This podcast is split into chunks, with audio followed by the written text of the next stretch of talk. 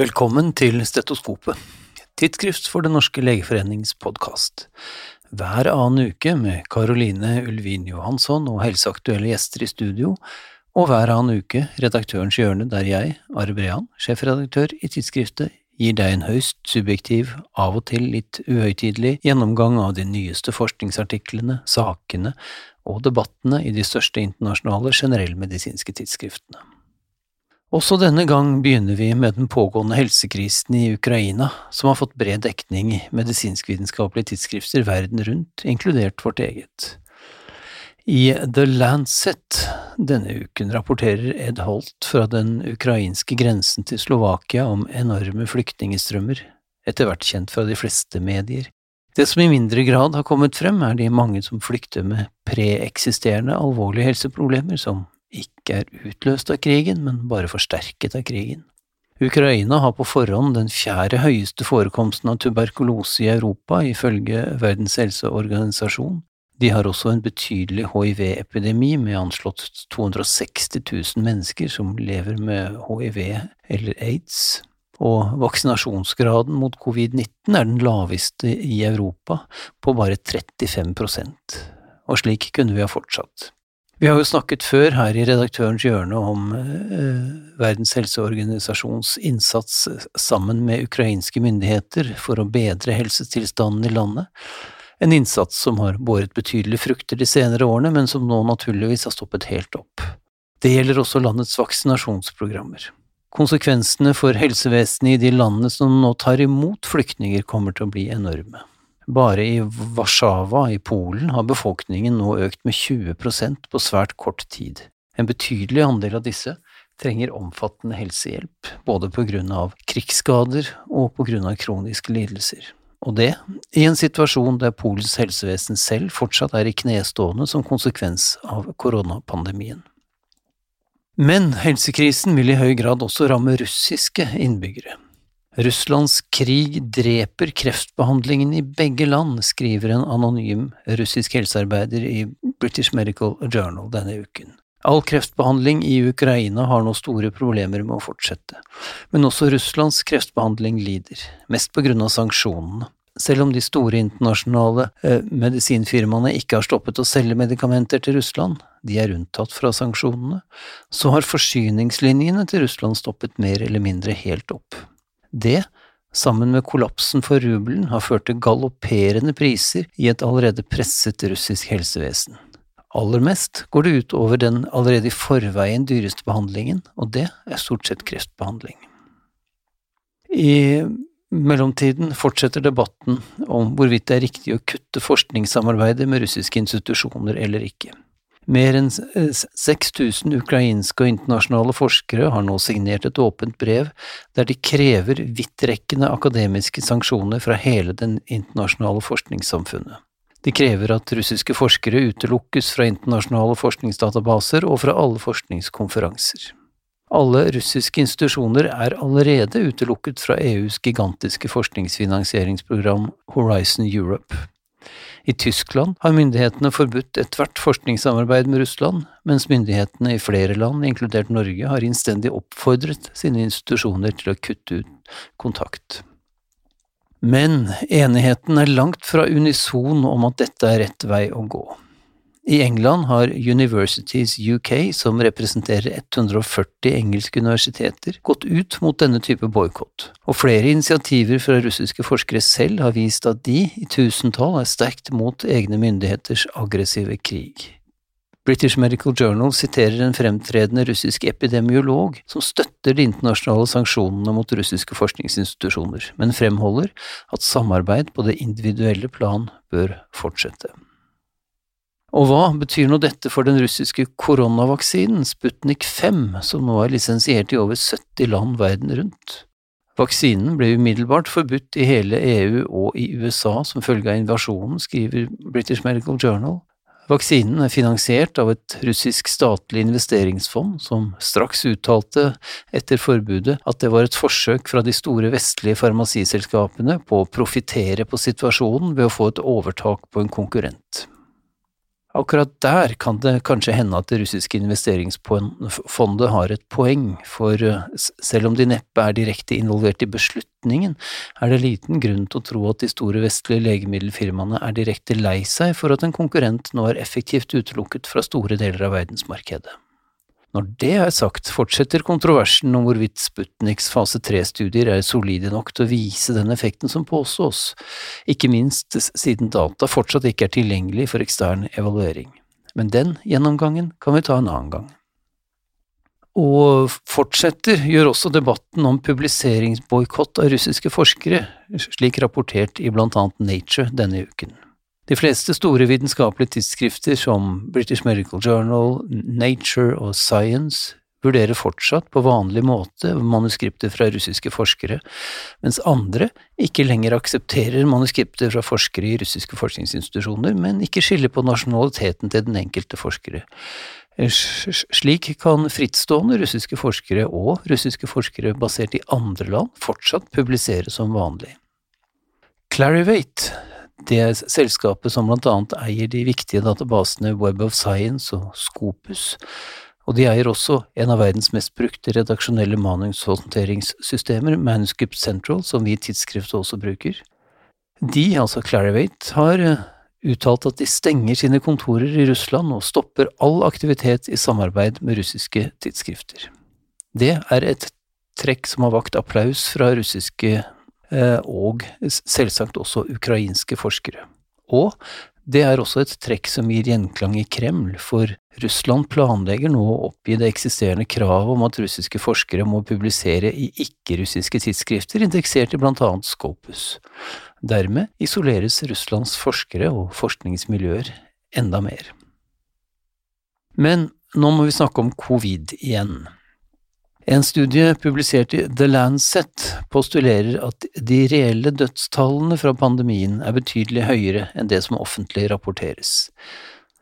Til og med utgangen av 2021 var det offisielt rapportert 5,4 millioner dødsfall i verden på grunn av covid-19.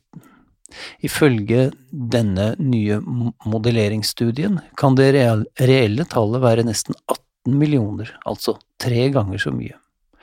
Forskjellen skyldes betydelig underrapportering i offisielle statistikker på grunn av forsinket og ukomplette data, samt på grunn av ren mangel på data i flere land.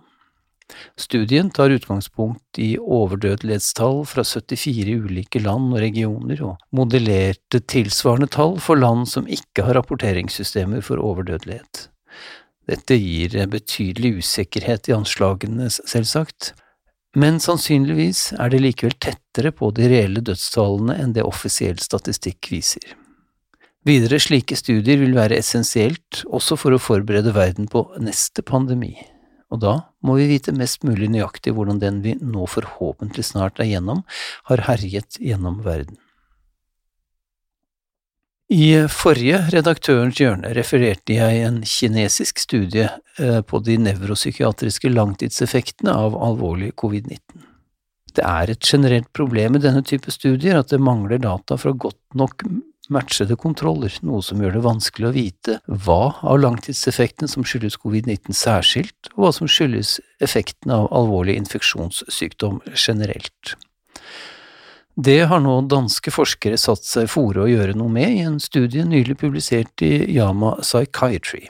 Studien er en case control-studie av 85 covid-19-pasienter innlagt på intensivenhet, som er sammenlignet med 51 alders-, kjønns- og alvorlighetsmatchede pasienter uten covid-19.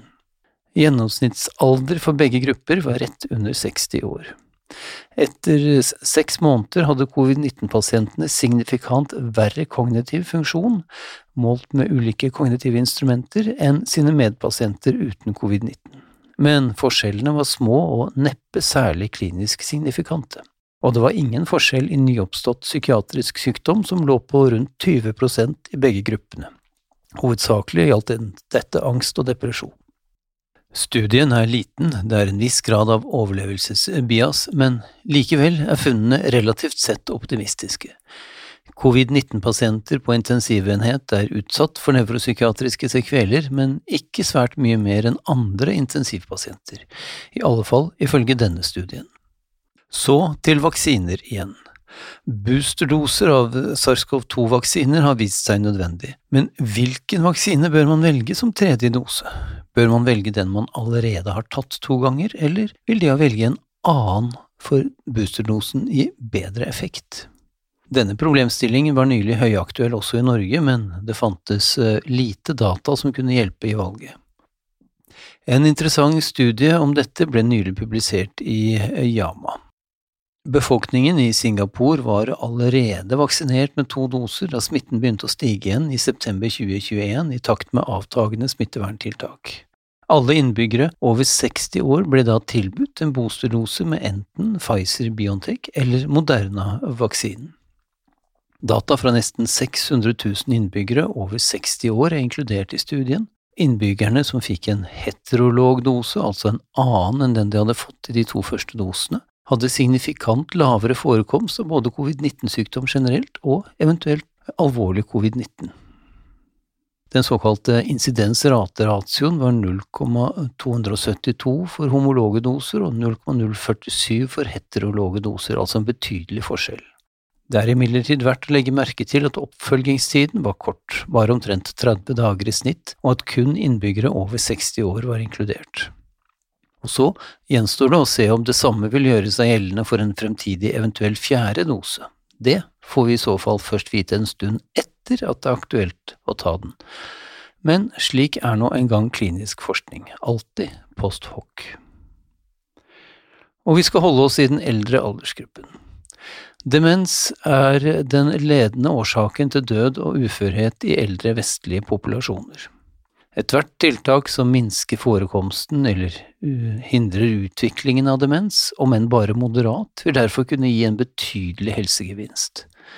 Faktisk er det estimert at dersom man kunne utsette debuten av demens i fem år i gjennomsnitt, ville både prevalens og økonomiske tap som følge av demens bli redusert med hele 40% Litium har blitt foreslått som mulig terapeutikum. Stoffet har positive effekter i både celle- og dyremodeller av demens, og noen eksperimentelle studier og hjerneavbildningsstudier antyder også en mulig positiv effekt.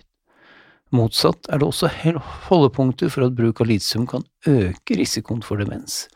Men dette er det vanskelig å vite ut fra kliniske data, ikke minst fordi de vanligste indikasjonene for bruk av litium i seg selv øker faren for demens.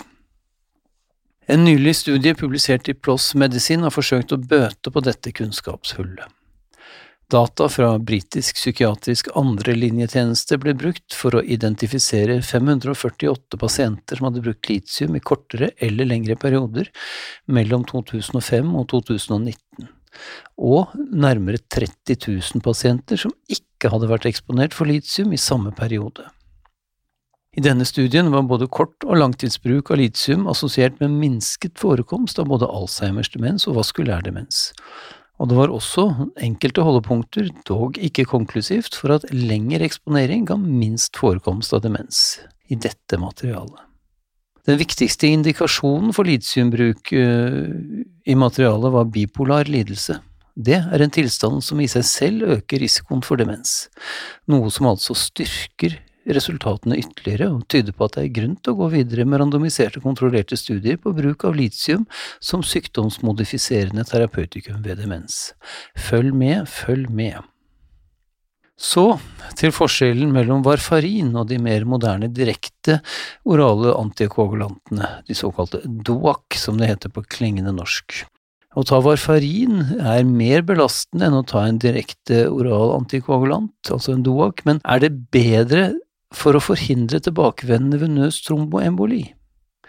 Tja, gjeldende retningslinjer eh, rundt om i verden anbefaler stort sett eh, oral antikoagulasjonsbehandling i minst 90 dager etter tilbakevendende venøs tromboemboli, men det er begrenset klinisk evidens for å utvide behandlingen utover det. En stor retrospektiv kohortstudie nylig publisert i Yama inkluderte over 60 000 pasienter som alle hadde vært innlagt for tilbakevendende venøs tromboemboli, og som hadde fått enten varfarin eller en av doakene apixaban eller ivaroxaban ved utskrivelse. Det var signifikant færre sykehusinnleggelser etter perioden på 90 dager blant pasienter som ble utskrevet på apixaban sammenlignet med varfarin, henholdsvis 9,8 versus 13,5 innleggelser per 1000 personår. Men det var ingen forskjell i risiko for sykehusinnleggelse for større blødninger, og ingen signifikant forskjell i utfall for apixaban versus rivaroxaban, eller for rivaroxaban versus varfarin. Funnene står i motsetning til funnene fra en tidligere metaanalyse som fant at utvidet behandling ikke reduserte forekomsten av tilbakevendende venøs tromboemboli, og at apixaban var assosiert med færre blødninger enn rivaroxaban eller varfarin. Forskjeller i studiepopulasjonen kan kanskje forklare denne tilsynelatende motsetningen, og fortsatt er det altså uklart hva som er den optimale varigheten av antikoagulasjon etter eh, tilbakevendende venøs tromboemboli, men Doak fremfor varfarin seiler altså opp som en tetkandidat så langt. Så var det disse statinene igjen, da, som vi aldri ser ut til å få noen fasit på hvor effektive egentlig er. Rundt 200 millioner mennesker over hele verden tar statiner, og atorvastatin er det mest foreskrevne medikamentet i USA. I en metaanalyse av 21 randomiserte studier av primær og sekundær forebygging, nylig publisert i Yama Internal Medicine, fant man bare absolutt risikoreduksjon på 0,8% for dødelighet av alle årsaker, 1,3% for hjerteinfarkt og 0,4% for hjerneslag hos de som tar statiner, sammenlignet med kontroller som ikke tar statiner.